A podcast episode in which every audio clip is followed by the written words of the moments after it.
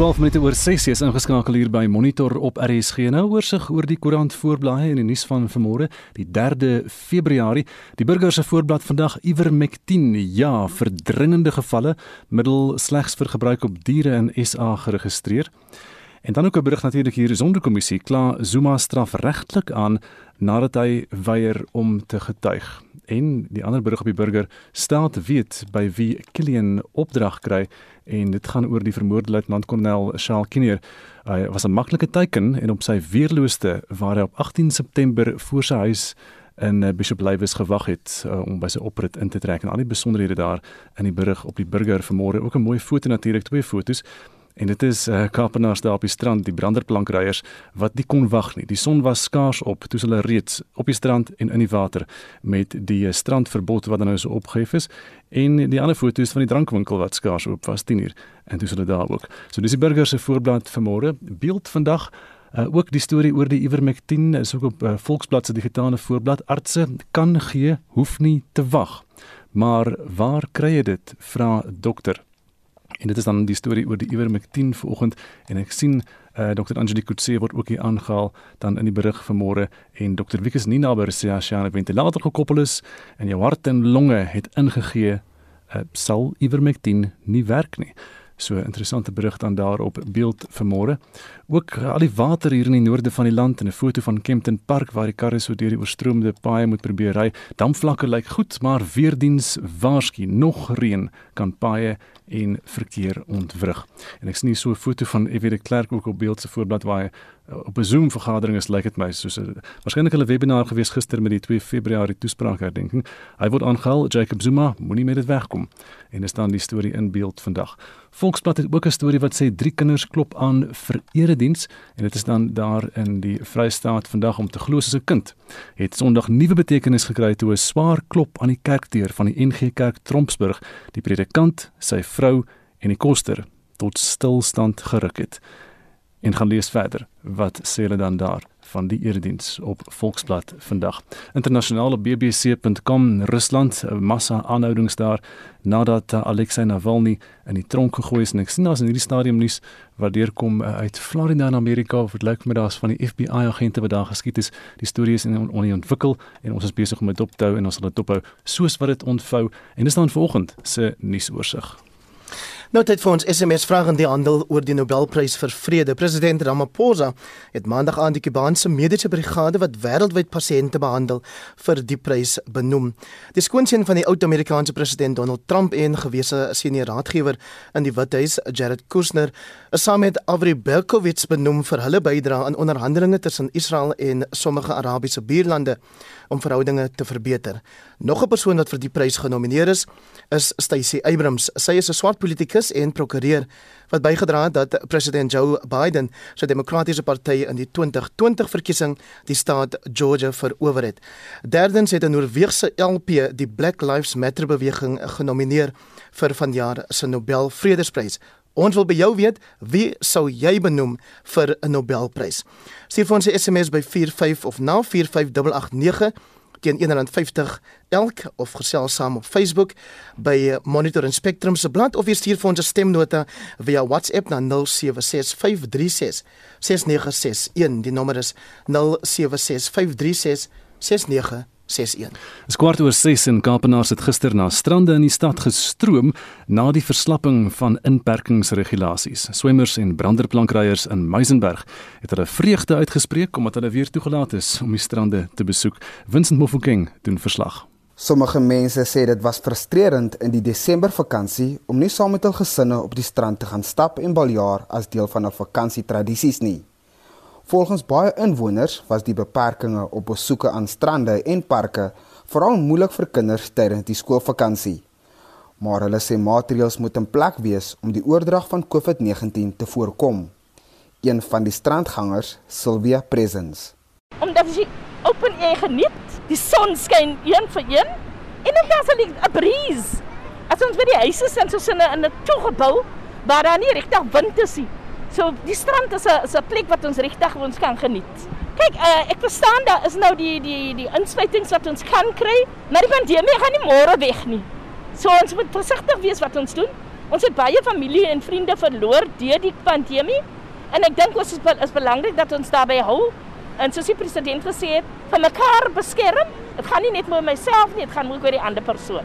'n Brandere plankryer, Devon Komka, sê dit is goed om weer die branders aan te durf.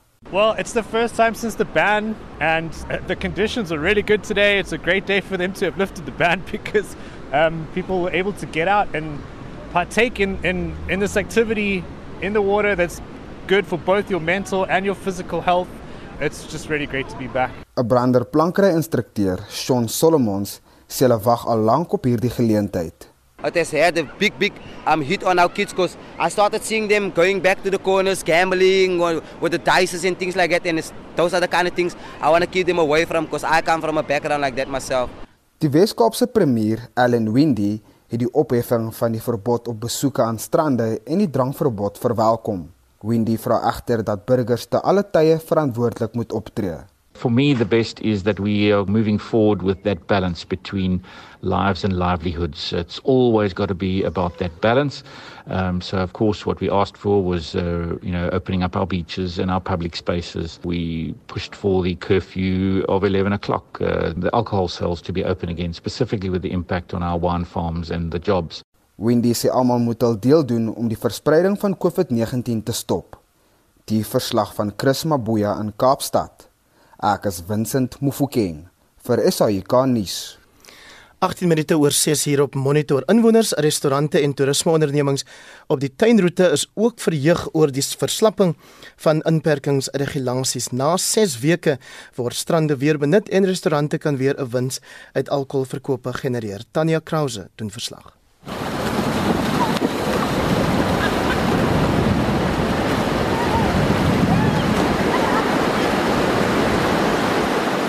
'n Feestelike gees heers weer op die tuinroete met inwoners wat die sand en seter dee geniet. Sedert Desember verlede jaar is strande in die streek gesluit nadat die tuinroete as 'n COVID-19 brandpunt verklaar is. Inwoners het op hul tradisionele nuwejaarsdag strandvieringe uitgemis, maar het daarvoor opgemaak na president Cyril Ramaphosa se aankondiging maandag aand. Hierdie jong klomp by Victoria Bay sê hul skoolvakansie was maar vervelig omdat hulle nie kon strand toe gaan nie. Um, ek's baie bly die strand is weer oop. Sê dit baie gemis en die water is baie lekker en is die perfekte dag vir swem. En ja, vakansie was baie lank.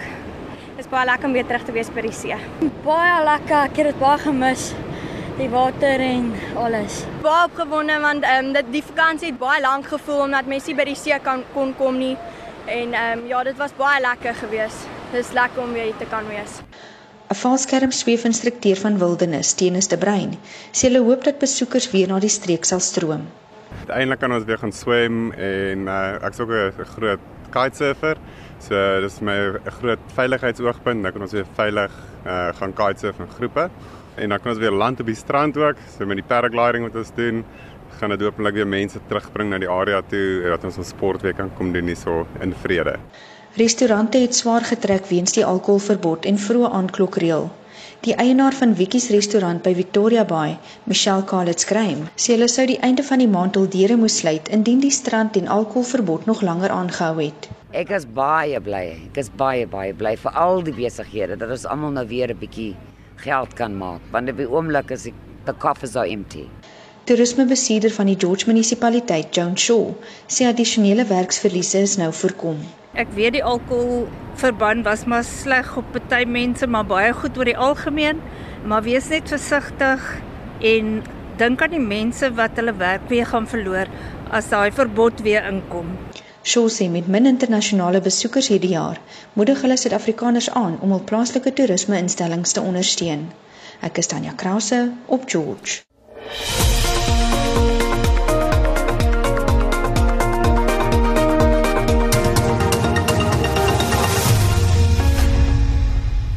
24 minute oor 6 op monitor. Die wynprodusente organisasie Winpro sê hy gaan voort met regstappe teen die regering wat die gereelde toepassing van die drankverbod betref. Die organisasie sê die bedryf is nie soos 'n skakelaar wat aan en afgesit kan word na hartelus nie. Winpro se bestuurder van wynbesigheid, Christo Konradi, het aan Marlenae Forsie gesê hulle verwelkom tog die gedeeltelike verslapping van drankregulasies. Die laaste 4-5 weke was verseker nie 'n lekker tyd gewees nie. So kom ons vergeet van die verliese, dit gaan met ons wees. Die uitdagings is daar. Meer belangrik is van vandag af kan die deure weer oopgaan en kan ons begin besigheid doen en dit is uiters belangrik om nou die herstelproses te begin. En jy gaan nog steeds hof toe. Hoekom? Ons dink dit wat die afgelope tyd gebeur het, kan jy die wynbedryf nie eenvoudig aan en afsit soos 'n ligskakelaar nie. Ons is besig met ons regspan om te kyk na ons verskillende opsies, maar ons gaan voort met ons hof aansoek, want dit is baie belangrik dat ons beginsel sal uitklaar en met 'n tweede virus wat ons getref het, is ons nie seker wat vorentoe kan gebeur nie en dan is dit baie belangrik dat inselbesluite in plek sal hê en om seker te maak die bedryf word nie net eenvoudig 100% afgesit nie. Jy het vroeër gepraat van uitdagings waaraan moet ons aandag skenk. Gelukkig was die oes so 10 na 12 dae later, so dit beteken uh, ons, ons kan lekker beplan het en intussen kan die verkope nou weer in, in aanvang neem. So die eerste ding is ons om ons verwerkingskapasiteit en ons stoorkapasiteit te bestuur. Die tweede punt wat daarmee saamgaan is dit 'n baie goeie aktiewe bemarking binne en buitelands En 'n baie goeie silwerrandjie wat ons nou kan deel is dat Januarie maand se uitvoersyfers terme van volume is die beste die afgelope 3 na 5 jaar te so ons is baie opgewonde daaroor. En dan die derde ding is ons bly in gesprek met die regering. Ons wil nog steeds 'n ooreenkoms met hulle sy rondom hoe ons betrokke kan raak en hande kan vat rondom daardie komponent wat wel dan nou drank misbruik en tot sekere ongemak kan lei. So daai is die drie pilare wat nog steeds op ons radeskerm bly en waarna ons nou vir die volgende afsienbare tyd gaan aandag gee. Julle gaan nou hof toe, maar ons het gehoor die derde vlaag infeksies word so hierso teen Maart April se kant verwag.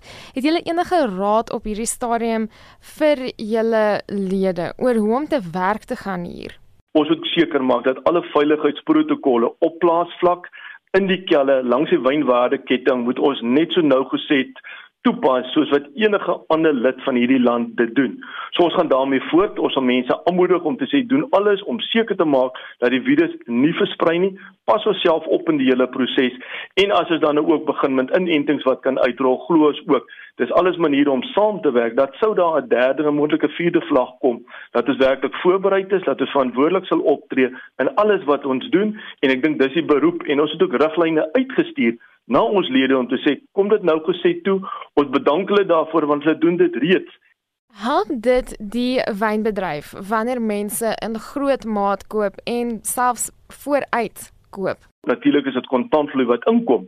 So verseker help dit ons. Ek dink wat baie baie belangrik gaan wees is dat die verbruiker aan die ander kant glo hoop en vertrou en doen ons 'n beroep om dit verantwoordelik te verbruik. Natuurlik sal dit 'n voordeel vir ons inhou maar ons glo dit gaan gepaard met verantwoordelikheid Christo Konradius Windpro se bestuurder van wynbesigheid en hy het met Marlenae Forsie gepraat. Nou die biervereniging van Suid-Afrika het ook die gedeeltelike opheffing van die drankverbod verwelkom. Vincent Mofokeng doen verslag. Die bestuurshoof van die biervereniging van Suid-Afrika, Patricia Pillay, sê alhoewel hulle die aankondiging verwelkom, moes sommige ondernemings steeds hulle deure permanent sluit. This follows Barsa's multiple pleas to government for urgent intervention in order to ensure the survival of the industry, especially of small businesses and craft breweries who find themselves on the brink of closure. While we are relieved to be able to begin trading again, there is no guarantee that our craft brewers will recover. The President has indeed offered small businesses a glimmer of hope, although it may be too late for some. Die bedryf het sedert die vorige alkoholverbod meer as 7000 werksgeleenthede verloor. The situation faced by many small business owners and craft brewers remain dire. The last two alcohol bans had a devastating impact on the beer industry. 14.2 billion in lost sales revenue and more than 7.8 billion lost in taxes and excise duties. Survey results from Craft Brewers Association indicate that 87.5% of craft brewers are still at risk of permanent closure. with zero targeted relief from government, this will likely become a reality. Die vereniging het dringende ingryping deur die regering versoek om werksgeleenthede en klein ondernemings in die sektor te red. Basa has written to the presidency and the Department of Trade, Industry and Competition to reiterate our call for urgent government intervention to save jobs and small businesses within our sector. To date, the industry has not been able to secure a meeting with Minister Patel or the presidency to deal with this dire matter. Dit was Patricia Pillay, die bestuurshoof van die Biervereniging van Suid-Afrika. Vincent Mufokeng, SAICanis. Dis nou so 28 minute voor 7 en ons beweeg na die sportveld. Hier is Shaun Jooste. Ons begin die verslag met cricketnuus. Cricket Australia het hulle toer na Suid-Afrika later die maand weens vrese oor die koronaviruspandemie in Suid-Afrika uitgestel en hoop om die toer later te herskeduleer. Dit beteken ook dat Nieu-Seeland die eerste span geword het om vir die eindstryd van die toetskampioenskappe te kwalifiseer. Die toetsreeks tussen Indië en Engeland wat Vrydag begin sal bepaal wie van Indië, Engeland of Australië ook na die eindstryd op Lords tussen 18 en 22 Junie deurdring. Die T20 reeks tussen Suid-Afrika en Pakistan se vroue spanne word vandag afgehandel. Ons vroue span het die reeks reeds met 2-0 beklink maar beoog om skoonskip te maak. Die wedstryd begin vanmiddag al 4 op Kingsmead in Durban. Die eerste van twee toetse tussen Bangladesh en die Wes-Indiese eilande het vroeër in Chittagong begin. Bangladesh het die lood gewen en gekies om eerste te kolf. Die Lions het môre se plaaslike momentum eendagreeks eindstryd op Senwes Park in Potchefstroom deurgedring nadat hulle halfeind teen die Knights gister uitgereën het. Tennis. Die ATP spanbeker toernooi het gister in Melbourne afgeslaan. In die eerste ronde het Servië 2-1 met Kanada Italië 2-1 met Oostenryk en Rusland ook 2-1 met Argentinië afgereken. Spanje die gasheere Australië met 3-0 afgeronsel. Die voorlopers in groepe A tot D is Servië, Spanje, Italië en Rusland. Vandag se wedstryde is Italië teen Frankryk, Duitsland teen Kanada, Australië teen Griekeland en Rusland teen Japan. Fabio Fognini en Matteo Berrettini het verseker dat Italië hulle wedstryd teen Frankryk sal wen nadat hulle met Benoit Paire en Gael Monfils klaar gespeel het. In die manstoernooi ook in Melbourne stap Suid-Afrika se Kevin Anderson later vanoggend teen Cedric Marcel van Duitsland op die baan uit. Laastens in sokkernuus. In die DStv Premierliga het AmaZulu gister se doelefees teen Black Leopards met 4-3 gewen, terwyl Golden Arrows vir Orlando Pirates met 2-0 uitoorlê het. Mamelodi Sundowns en Stellenbosch FC met vanmiddag 5uur in die eerste ronde van die Nedbank beker kragte. Die tellings in gisteraand se Engelse Premier Liga wedstryde was: Sheffield United 2, West Brom 1, Wolves 2, Arsenal 1, Newcastle United 1, Crystal Palace 2 en Manchester United 9, Southampton 0. Vanaand 8uur speel Burnley teen Manchester City, Fulham teen Leicester City en half 10 Leeds United teen Everton. Kwart oor 10 kom Liverpool teen Brighton en Hove Albion en Aston Villa teen West Ham United te staan. En die halfeindstryde in die Afrika Nasieskampioenskappe word ook vanaand beslis. Mali dra 5uur teen Genee en Marokko 9uur teen Kameroen op die veld uit. Shaun Schuster, SAK Sport. Dit is so binne 25 minute voor 7 hier op monitor. Die DA woordvoerder van watersake in die Mangaung Metro, Rousseau Botes, sê die aanhoudende gebrek aan waterdienslewering duur voort ten spyte van goeie reën. Ongelukkig moes die inwoners vir die soveelste keer die afgelope tyd weer sonder water sit in sekere areas in die metro en die Mangaung gebied. Dit het ongelukkig ontstaan weens die feit van die goeie reën wat afgekom het in die Caledon rivier wat dan water voorsien aan die Welbedagdam van waar af die Bloemwaad, die grootmaat waterverskaffer water aan die metro lewer. Die probleem na die goeie reëns dat daar te veel sand te veel sluk in die rivier is en dit het die onttrekking en die suiweringsproses van die water bemoeilik om die regte volumes vir die munisipaliteit te kon lewer. Op wie pak jy die skuld vir die probleem? Ek sal die eerste lyn beskuldiging soek by die munisipaliteit omdat die belastingbetaler is die eerste lyn van mense wat water koop by die metro. So die metro moes deurlopend gekommunikeer het en gesê het ons waterverskaffer het 'n probleem weens die sluk in die rivier. Hulle gaan nie hulle volumes kan voorsien aan ons nie. Daarom doen ons 'n beroep op julle om water spaarsaam te gebruik. Ongelukkig gebeur dit en ons weet ons leef nou etlike jare met dit. Saterdagoggend toe ek die eerste oproepe kry van mense wat sê die druk val en toe ek nou met 'n gesukkel probeer navraag doen, toe kom ek agter die reservoirs leeg en die probleem is die munisipaliteit kon proaktief opgetree het om vir die mense te sê daar is so 'n probleem, ons doen 'n beroep op julle, doen dit en dit en dit kon dalk miskien die situasie verlig het of dalk self miskien opgelos het. Hoekom is daar 'n vertrouensbreuk tussen die mense wat dienste betaal en die metro se munisipaliteit? Mens voel altyd as jy iets betaal aan enige instelling, dan soek jy daai waarde terug wat jy betaal het voor. En die belastingbetalers is regtig waar keelvol op die stadium. Hulle bly betaal vir erfbelasting, hulle betaal vir hulle water, hulle betaal vir sanitasie, vullisverwydering en so meer, maar hulle kry nie daai volle diens nie. As voorbeeld, riole loop uit in die stad, so dit beteken hy betaal sanitasie, maar hy kry nie daai diens. Vullisverwydering word nie gedoen nie. Dis 'n vaste koste elke maand op jou erfbelastingrekening. Soos ons nou praat, sit Bloemfontein weer met 'n massiewe probleem van vullis wat nie opgelaai is in klomp dele selfs met die water wat dalk 'n bietjie erger is, baie van die inwoners het al reeds oorgeskakel op 'n voorafbetaalde watermeter. So wat dit beteken in effek, ek het reeds my 500 of 1000 rand se water gaan koop. Dit is al reeds op die stelsel gelaai. My geld wat al uit Nou is die water op of die water is ontkoppel weens een of ander rede. Nou kan ek hy water nie eens gebruik nie. En dieselfde by die erfbelasting. Die stad is oorsaai na die mooi reën wat ons gehad het met slaggate en die belastingbetalers voel net hulle erfbelasting moet dan pro rata deels opmaak om die slaggate te vul en dit gebeur ongelukkig ook nie in Mangaung nie en dit maak dat inwoners 'n tipe van 'n ongelukkigheid of 'n wrok begin opbou teen 'n munisipaliteit in die geval. Wat is die situasie met nie betaling van bloemwater deur die metro? In 2020 het ons baie sulke gevalle gehad wat ons probleme gehad het weens die nie betaling nie. Daar is nuwe ooreenkomste gesluit.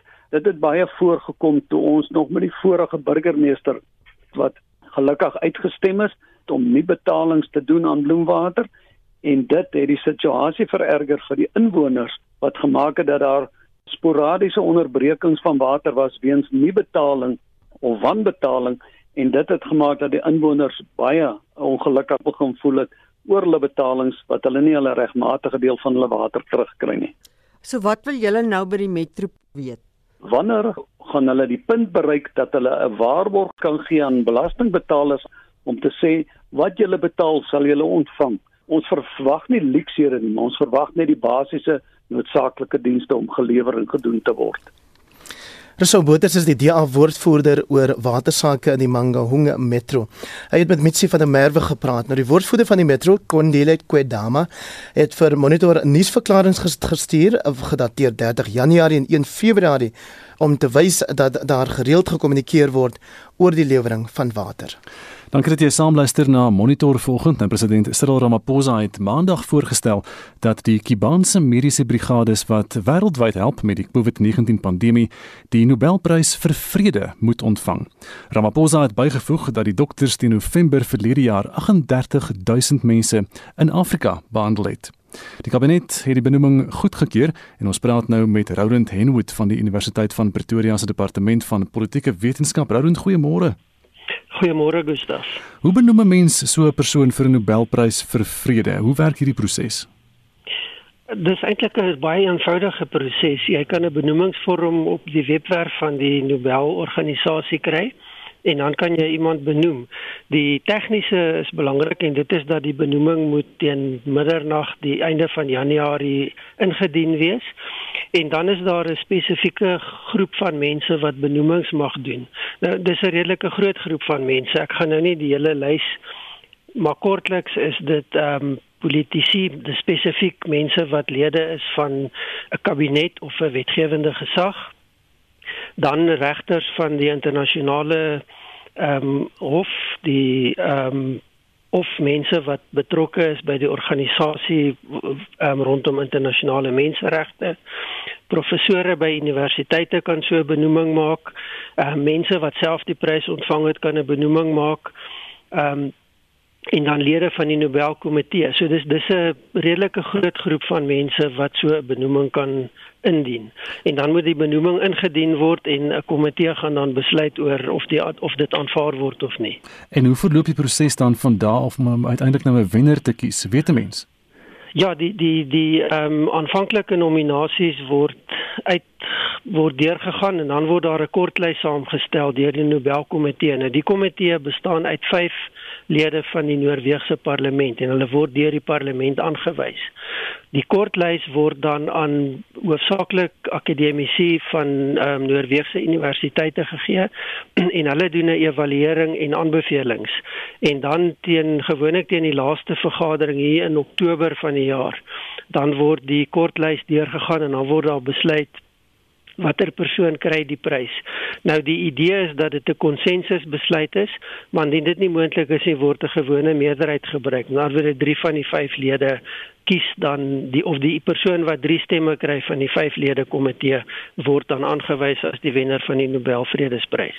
En watter name het reeds opgeduik vir die benoeming van van verjaar se Vredesprys? Belangrik is dat die name van mense word nie bekend gemaak nie. Die komitee het 'n 50 jaar beperking op benoemings en ook dan die redes waarom sekere besluite geneem word. Die name wat ons wel weet is wat mense lek of dis bespiegeling um, of iemand wat 'n benoeming gemaak het wat dit bekend maak. Nou ons weet daar's interessante name reeds hierdie jaar genoem. Ehm um, name soos ehm um, Donald Trump, pres, voormalige president Donald Trump se naam word genoem. Ehm um, daar word gepraat van die ehm um, Kubaanse dokters alhoewel ek nie weet of dit vanjaar ehm um, nog 'n benoeming sal kry maar of daar reeds 'n benoeming gemaak is nie. Ehm um, daar daar was die die skoonseun van president Trump, meneer Jared Kushner is benoem vir sy rol in om om ehm um, vrede in die Midde-Ooste te bevorder. Ehm um, daar's hele klomp politici uit Amerika wat benoem is om om die prys te kry. So is is 'n is 'n klomp name wat genoem word. Ehm um, ek dink belangrik is dat in die Nobelkomitee beklemtoon dit die feit dat iemand benoem is beteken niks. Ehm um, dis nie 'n bepaalde toekenning nie. Dit, dit gee nie noodwendige bepaalde status nie. Trouwens die komitee probeer juis hierdie bespiegeling en die die die rondgooi van name beperk. Daarom die beperking ook wat hulle plaas op die bekendmaking van inligting. Jy het nou so vinnig verwys na die Kubaanse mediese dokters. Nou Suid-Afrika wil hierdie Henry Reeve kontingent aan nou die Kubaanse mediese brigade wat hulle ook genoem word, uh, benoem vir die Nobelprys vir vrede. Hulle werk oor die wêreld teen teen COVID-19. Wat is jou reaksie daarop? Ja, dit is 'n interessante benoeming. Ehm um, en en waarskynlik en ek dink dit is belangrik. Dit is ook iets wat die Nobelkomitee verstaan is dat die hele proses van hierdie vredesprys is geweldig verpolitiseer en dit is eintlik 'n politieke besluit. En, en vanuit die Suid-Afrikaanse oogpunt is dit waarskynlik 'n politieke besluit. Ehm um, daar's 'n baie belangrike historiese band tussen veral die ANC as party en die Kubaanse ehm um, regering.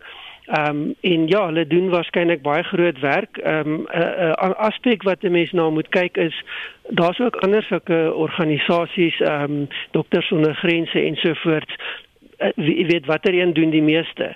So dit ek dink gaan op eind afhang van jou gesindheid teenoor Kiba.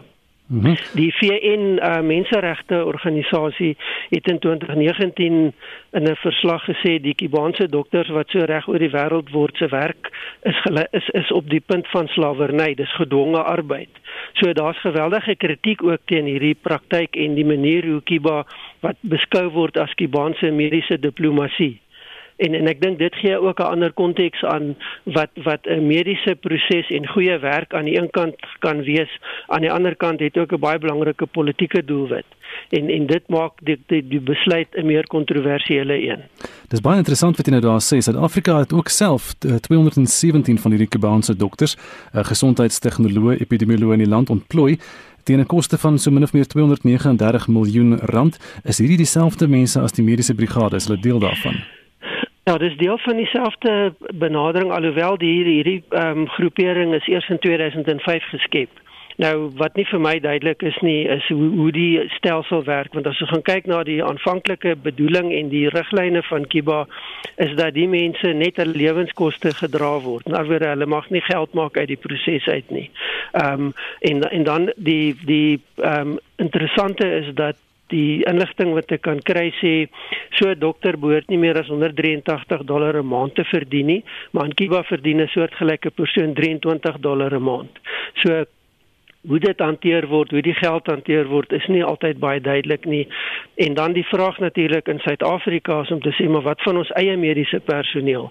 Wat van die dokters en dit sluit spesialiste in wat werkloos is wat nie geakkommodeer word nie.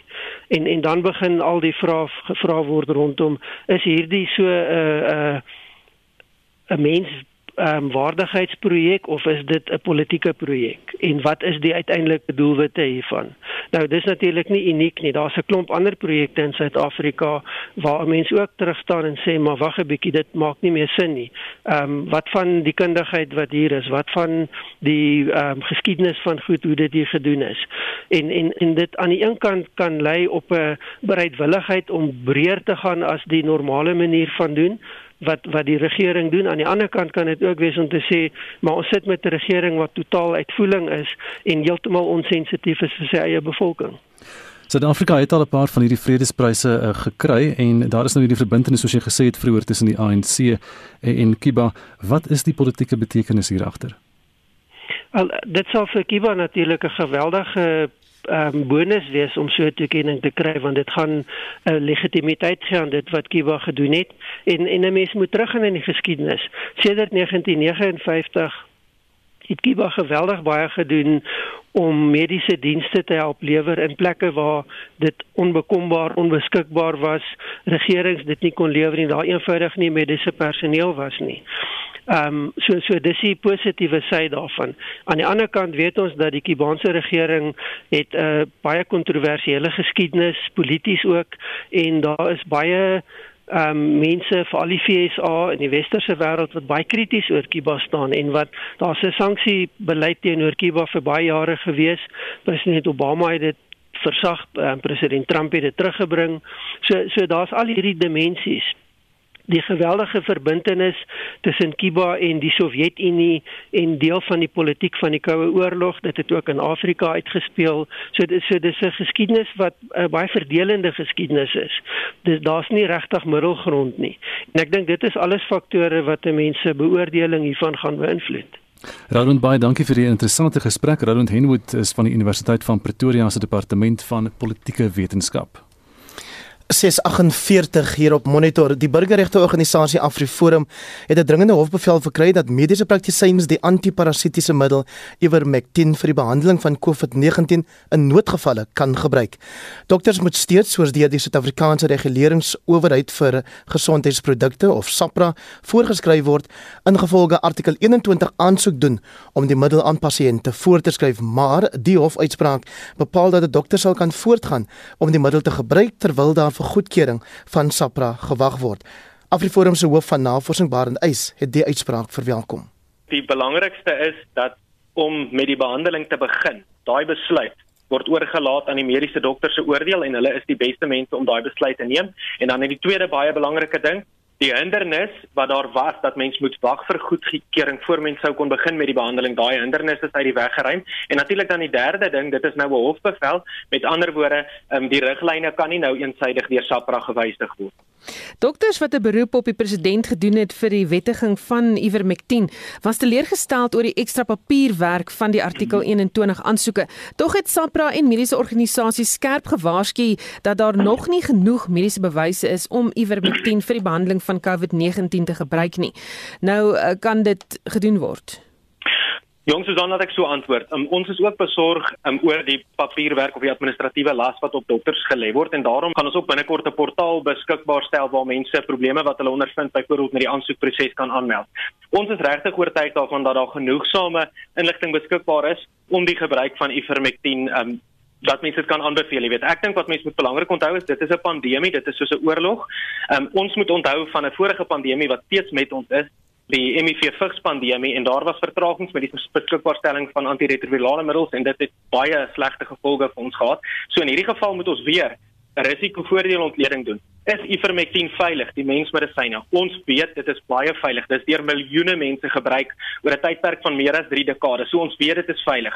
Met ander woorde, die risiko is laag. Wat is die moontlike voordeel? Ons het 'n klomp studies oor 'n klomp lande wat wys dat daar potensiële voordele is. Ek kan dalk spesifiek Peru noem waar dit op 'n reuse skaal onder die bevolking versprei is. En daar dit wys potensiaal dat dit dalk gaan help om sterftes te verminder en mense gaan help om vinniger te herstel. Nou as jy hierdie voordeel risiko ontleding doen, met ander woorde, daar's nie regtig 'n risiko nie want dit is veilig, dit is baie bekend, ons weet hoe dit wat se interaksie met ander medisyne en dit kan moontlik lewens red. Waarom sal ons dit nie doen nie? Wat van mense wat reeds die landbouproduk gebruik, wat is jou raad aan hulle? Jong, ek dink die belangrikste raad aan daardie mense is is dat hulle asseblief steeds hulle mediese dokter moet raadpleeg.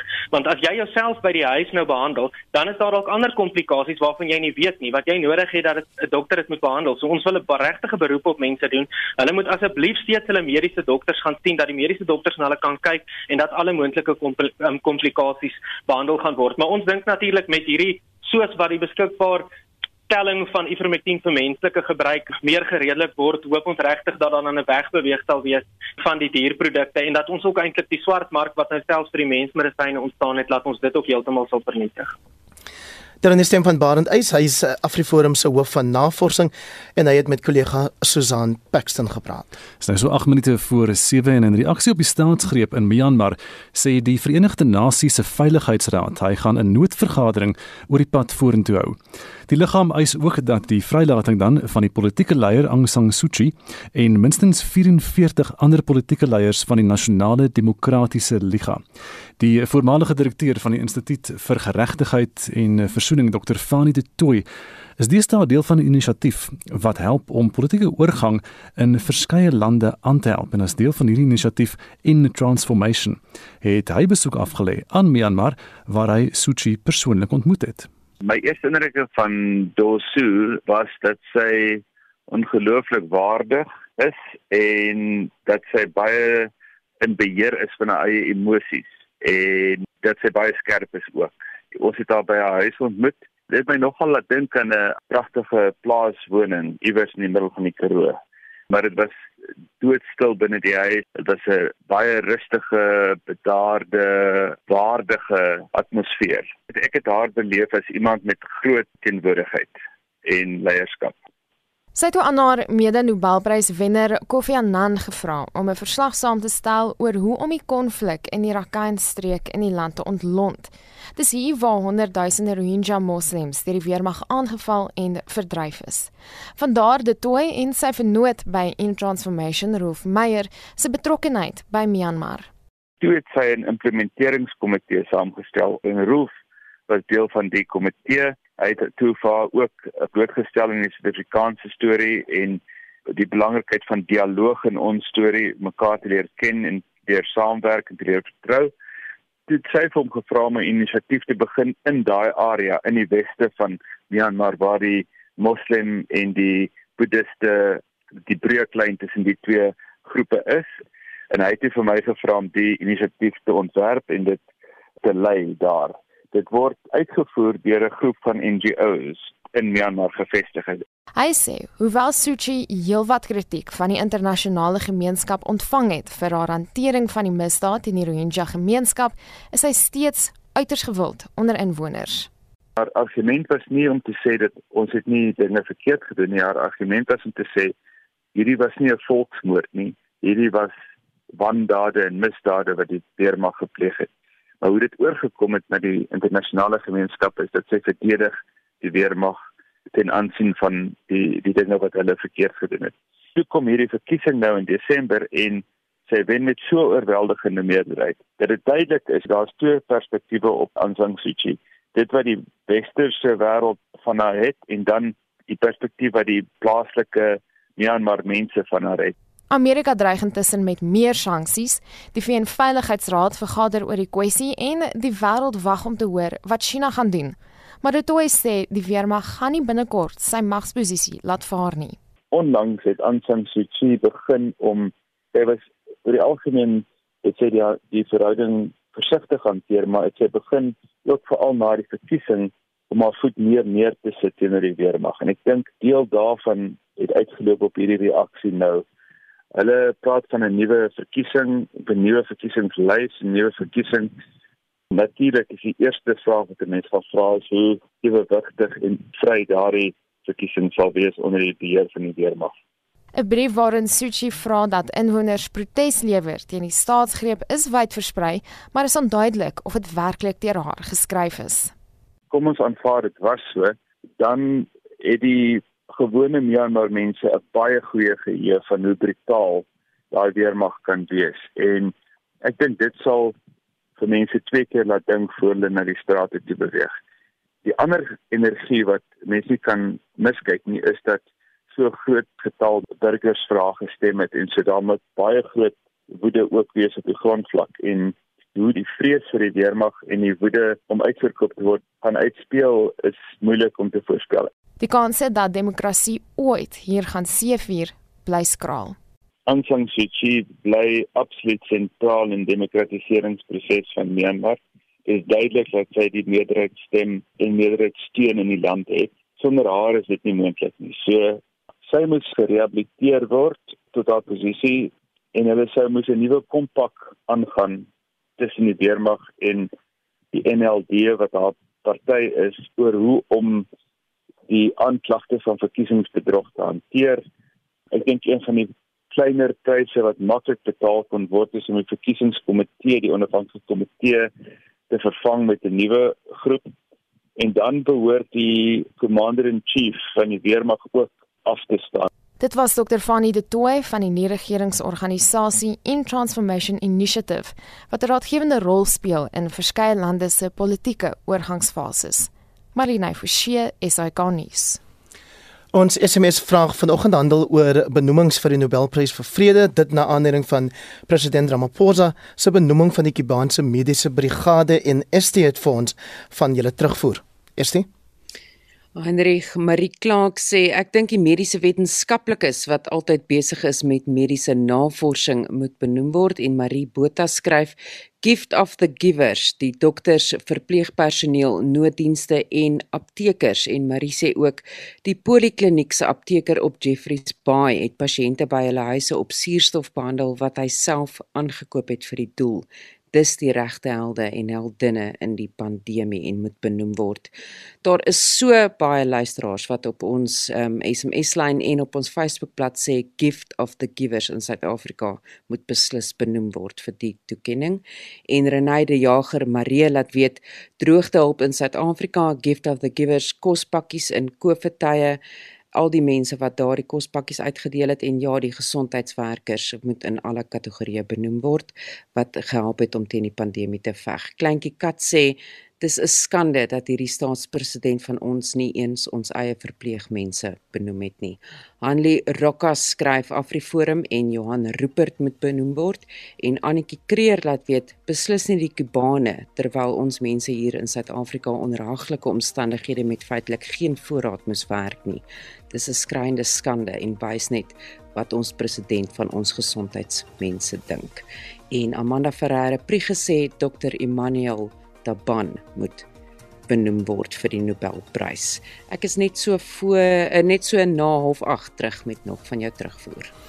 Die SMS nommer waarheen jy vir ons jou terugvoer kan stuur is 45889 en dit kos jou R1.50 per SMS. Jy kan natuurlik ook op ons Facebookblad Monitor en Spectrum op RSG se Facebookblad saamgesels of jy stuur vir ons 'n kort stemnota via WhatsApp na 076536 6961 dis 0765366961